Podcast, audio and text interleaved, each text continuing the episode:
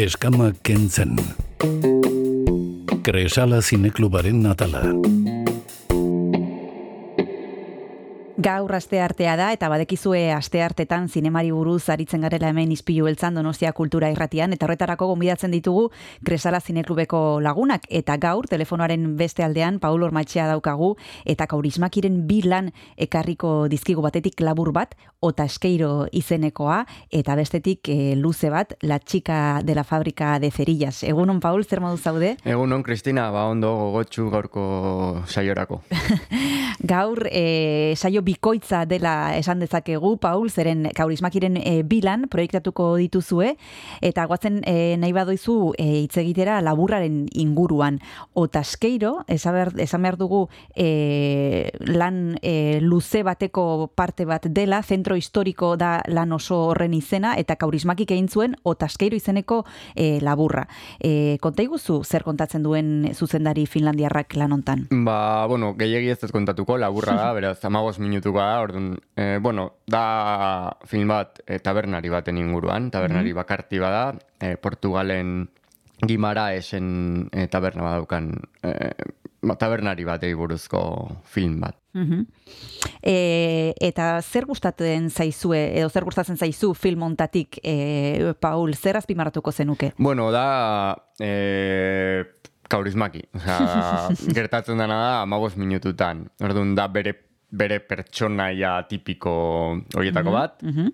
Gaina aktorea ere bai ba, bere film batzutan lan egindakoa da. Orduan, bueno, dauka betiko rolloa gertatzen da, pues, Portugalen egina. Orduan, bueno, pixka bat desberdina da, baina, bueno, betiko umorea dauka, e, bakardade hori ere bai tristura antzeko bat, ez? E, komediaz tristes esaten diogun auk zineklugan. Eta oso oso polita da ba, zentro historiko egin zuten ba, donostian kale begiak egintzen antzera. Bene garaian, gimara ez izan zen e, Europako kultu, e, kultura kapitala. Hori da. Hori da. 2000 eta amabian, eta hori bueno, lau egileen artean egin zuten horrelako pelikula bat, ba, iria, iriari buruz edo behintzat irian kokatutako historiokin. Eta kaurismak irena da lehenengoan, ere ustez oberena da, e, film os, e, horretan, eta zuzendariak onak dira, eh? baino, baino bai, oso oso film, ba, polita da, eta hori, amagos minutu, puro gaurizmaki. bueno, puro gaurizmaki, orain jarraituko dugu zuzendari honen inguruan hitz egiten, ze bigarren pelikula bat jarriko duzue, on hau e, luzea izango da ordea, baina tarte bat hartu behar dugu, deskantsu bat, eta nik horretarako, Paul, badekizu, abesti bat eskatu behar dizu dela, eta nik ezakitze pentsatu duzun deskantsu ba, entarako. Ba, Portugalen gaude, eta e, filmean bertan agertzen den abestia da, e, Loukura de Lucilia do Carmo. Ederki, bagoazen entzutera.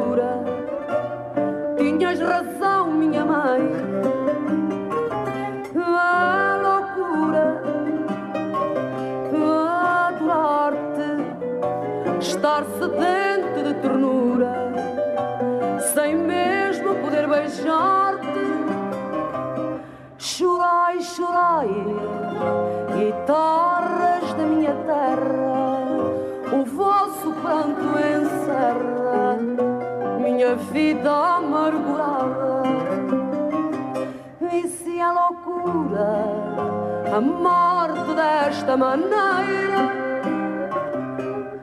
Quer eu queira, quer não queira, não posso a morte calada.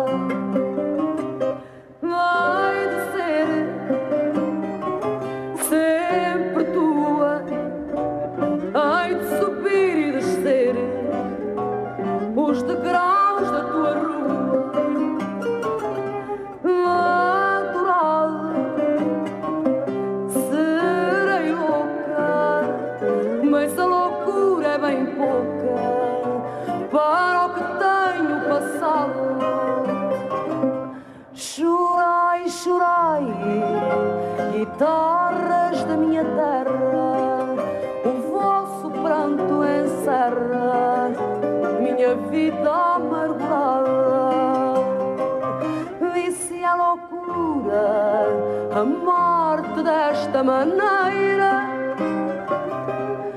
Quer eu queira, quer não queira, não posso a morte calada.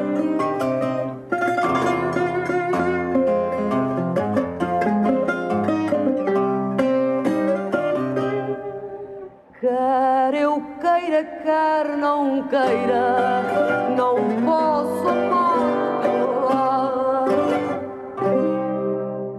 Donostia kultura irratian gaude, izpilu beltzan, eta gaur badekizu entzule asteartea delako, zinemari buruz aritzen garela hemen izpilu beltzan, eta horretarako gonbidatzen ditugula, astero astero, txintxo txintxo, ekresala zineklueko lagunak. Gaur, telefonaren beste aldean, Paul Orma etxea daukagu, eta kaurismakiren bilan ekarri ditu, batetik otaskeiro, orain bertan hitz egin dugu laburronen inguruan, eta orain hitz egingo dugu beste film e, luze baten inguruan, La chica e, de la fábrica de cerillas, aipatu behar dugu e, trioli, triologia bateko hirugarren pelikula dela, ez da, Paul? E, lehenbizikoak da, bai, izan bai. ziren e, Tres sombras en el paraíso eta gero Ariel, eta hau izango litzateke triologia horren azkena. Oia, horrein zegingo dugu bi hoien inguruan, baina kontatu iguzu pikin bat, bueno, izenburuak asko esaten du ja, e, La chica de la fábrica de cerillas, baina e, zeren inguruan doa film hau? Ba...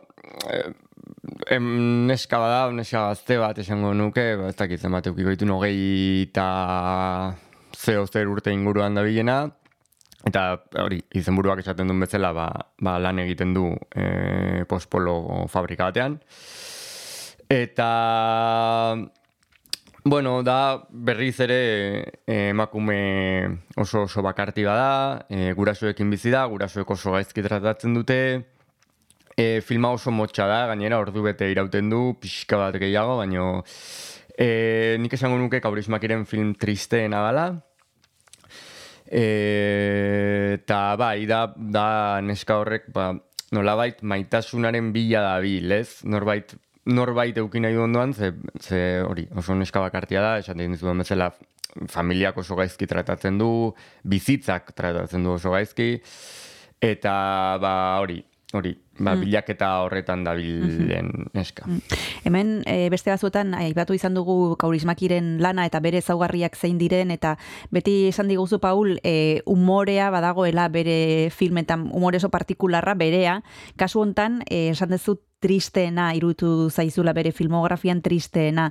E, ez dago ez umorerik ez esperantzarik hemen? E, badago humorea mm, besteetan baino gutxiago agian, e, oso oso humore beltza gainera, esperantza gehiegi ez. Bere film gehienetan badago, badago, naiz eta bizitzak, pertsonaien bizitza normalean izaten diren, ba, bueno, e, tristeak edo miserableak edo nahi deguna.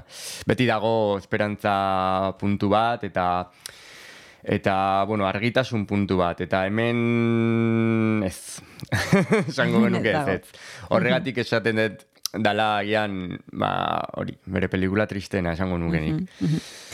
Aipatu dugu e, trilogia bateko hirugarren pelikula izango litzatekeela hau, La chica de la fábrica de, cerri, de cerillas, e, lehenbiziko biak izan ziren e, Sombras en el paraíso eta Ariel, eta kontatu pixka bat, e, Paul, iruek ze kontatzen duten, e, zer, ze- zer osatu nahi izan du autoreak e, hiru pelikula hauekin, eta bakoitzean zer, zer kontatzen du pixka bat. Bai, bueno, da proletariotzaren trilogia. Nik ez dakit trilogia berez horrela den, esan berak trilogia egin zuen, edo gero gora jarri zaion trilogia hori, ez? Bueno, ba, azkenean proletarioak dira, e, langileak dira hiru filmetan, baina gero badauzka beste film asko langilea direnak ere protagonistak, orduan ez dakit pixka bat, ba ez dakit, ba hirurak izan ziren hor e, urte tarte batean, eta eta horren inguruan dabil. Gehien bat, e,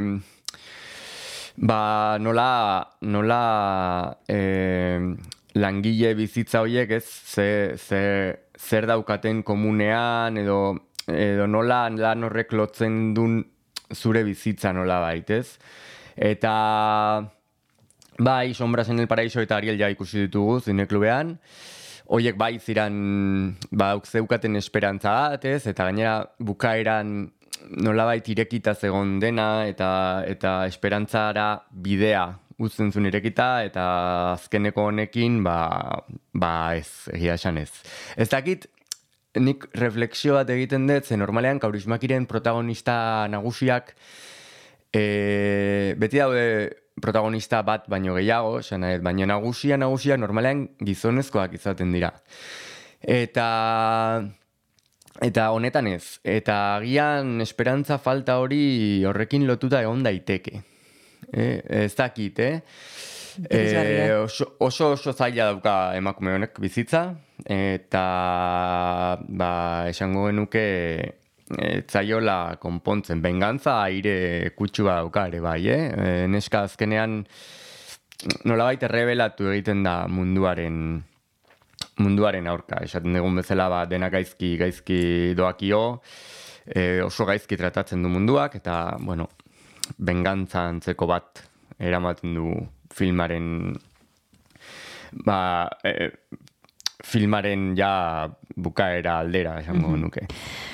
Oraintxe bertan jarraituko dugu pelikula honen inguruan hitz egiten eta kaurismakiren inguruan hitz egiten, baino bigarren tartea hartu behar dugu, Paul, lehen proposatu duzu Portugaleko abesti bat, eta oraingoan ezakitze pentsatu duzun. Ba, bueno, kaurismaki oso musika zalea da, eta badauka talde bat asko gustatzen zaion, Amel Rose izena du, eta bideoklip bat egin zen behin, e, Rich Little Beach kantuaren bideoklipa, beraz, ba, kantua entzungo dugu. Primera, magoazen entzutera.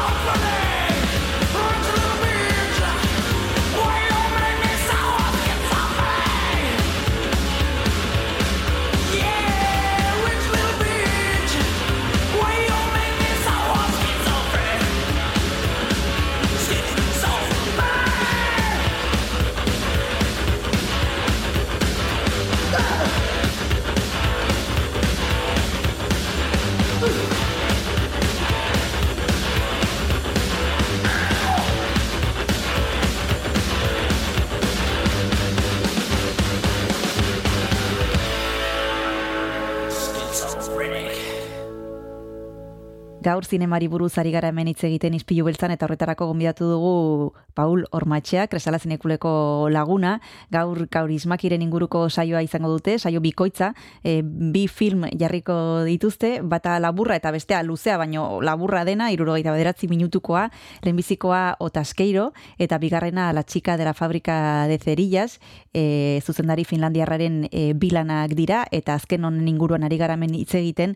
E, aipatu izan ditugu bere ezaugarriak, Paul, baino pixka bat errepasatzearen e, zein esango zenuke e, dela e, kaurismakiren zigilua, e, eta bere mm, hist- historia kontatzeko bere mo- manera edo modua. Ba, e, asko ditu, alde batetik esteketikoki ba, argia, adibidez, e, Timo Salminen da zuzen, argazki zuzendaria beti, kaurismakirekin, eta argi oso partikularra dauka batez ere gauetan, hola oso urdin kutsu batekin, polita, pixka bat melankolikoare bai, eta gero nik uste dut, eta nik uste dut La Chica de la Fábrica de Cerillas dela horren erakusgai handiena, e, oso oso oso narratzaile ona da. E, ez dute asko hitz egiten normalean bere pertsonaiek, La Chica de la Fábrica de Cerillasen oraindik gutxigo oso oso oso e, dialogo gutxiko pelikula da. Et, baino oso ondo narratzen du irudiekin, dena ulertzen da argi eta garbi, ez du behar, eh, ez dakit, ez, eh, ofa hotxik ez du behar pertsonaiek kontatzea zer ari zaien gertatzen, ez kanpotik ez barrutik. Eta, eta pelikula honetan batez ere da, osea, niretzako da ikusgarria nola, nola sortzen duen historia bat e, irudiekin bakarrik, elipsi ikaragarria dauzka, e, dena oso oso garbi dago, gainera, ez da kriptikoa, eh? E, osea, dena ulertzen da. E, zinema mutuarekin pixka bat e, aldea daukan. Ikuste dut hortikan zinema mutuan azkenean e, batez ere bukaeran, ja hogei garren amarkada bukaeran e, e, narratzeko modua zan e, ikusgarria zen. E, karo, ez zegoen hotxik eta nolabait iritsi ziren puntu batera ja oso oso ondo e, definitzen zutela e, dena, ez? E, hasieran zinema hasi zanean, ba, dena berria zan, eta pixka bat e, publikoa ohitu behar zan e, zinemaren kodigoa jarraitzera, baina ja hogei garren amarkada bukaeran ja e, ikusleak ohituta zeudela zinemari, eta kaurismakik hortikan tiratzen du nik uste dut ba, hortikan ateratzen du asko eta eta behar ez balin badu ez du eh, hitzik eh, jarri behar. Eta esaten dizudan bezala dena ulertzen da argi eta garbi. Eta da, niretzako da espektakulo. Batez ere pelikula hau. Gaiei dagokionez, Paul, normalean hemen adibidez aipatu ditugu hiru pelikula hauek eta e, langileak dira protagonistak, baino bere filmografian oroar e, ze gaiak e, aukeratzen ditu zuzendariak. Bueno, eh, a ber, nire ustez kaurismaki da humanista bat, eh, ezkertiarra, dudari gabe, eh, sozialista beti dago nolabait opresioa dago eta pertsonaia oprimituen filmak egiten ditu, peli- pelikula askotan langabezian dauden pertsonak, baino humanitatearekin. Ez, ez dijoa e, sozial aldetik, osea, sozial aldetik badauka noski, e, e, pertsonaia guztiak kondizionatu daudelako horrengatik, dudari gabe, baina Ken Loachen adibide hartuta adibidez, ez dijoa e, ez soziedadearen kon, osea, soz, pertsonai bat e, soziedadearen aurka baizik eta pertsonai batek nola e, bizi dezaken e, kondizio horrekin eta nola afektatzen duen individua bere, bere inguruak. Eta nik uste ia pelikula gehienetan hori horri buruz doala, eta humanidade asko dauka, esaten, humorea ere bai, nahiz eta la txika de la fabrika de zerillasen pixka gutxiago, eta azkenean e, nik uste pelikula e, politak dirala. E, daukalako bizio bat, ba, berea, esan miseriak retratatu, retratatzen ditu nolabait, baino umore puntu bat ateratzen dio, ez? Berak esaten duen bezala, azkenean e, inorren bizitza ez da miseria pura idura, esango nuke. Beti, beti naiz eta gure bizitza gaizki joan, beti atera daiteke muore puntu bat, edo... Eta, bueno, hori da bere zinema, gehien bat. Hori da bere zinema eta guk gaur e, arratsaldean troba zinemetan ikusteko aukera izango dugu.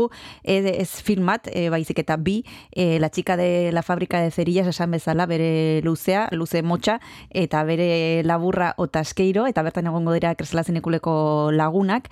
E, izango da, Paul, beti bezala arratsaldeko zazpiterdietan ez da? Hori da, arratsaldeko zazpiterdietan, trueban, beti bezala, eta animatzen dituztegu etortzera. Eta gainera solasaldia egongo da, e, horrere gauza oso interesgarriak ateratzen dira eta gomendatzen ditu, e, gomendatzen diegu entzulei e, joaten direnak e, parte hartzera. Eta esan bezala, kaurismakiren bi film gaur ratxaldean, trueba zinemetan, eskerrik asko Paul, izpilu beltzara urbiltzeagatik eta horrengo arte bezarka da bat. Besarka da, Kristina, eskerrik asko. Eskama kentzen. Kresala zineklubaren atala.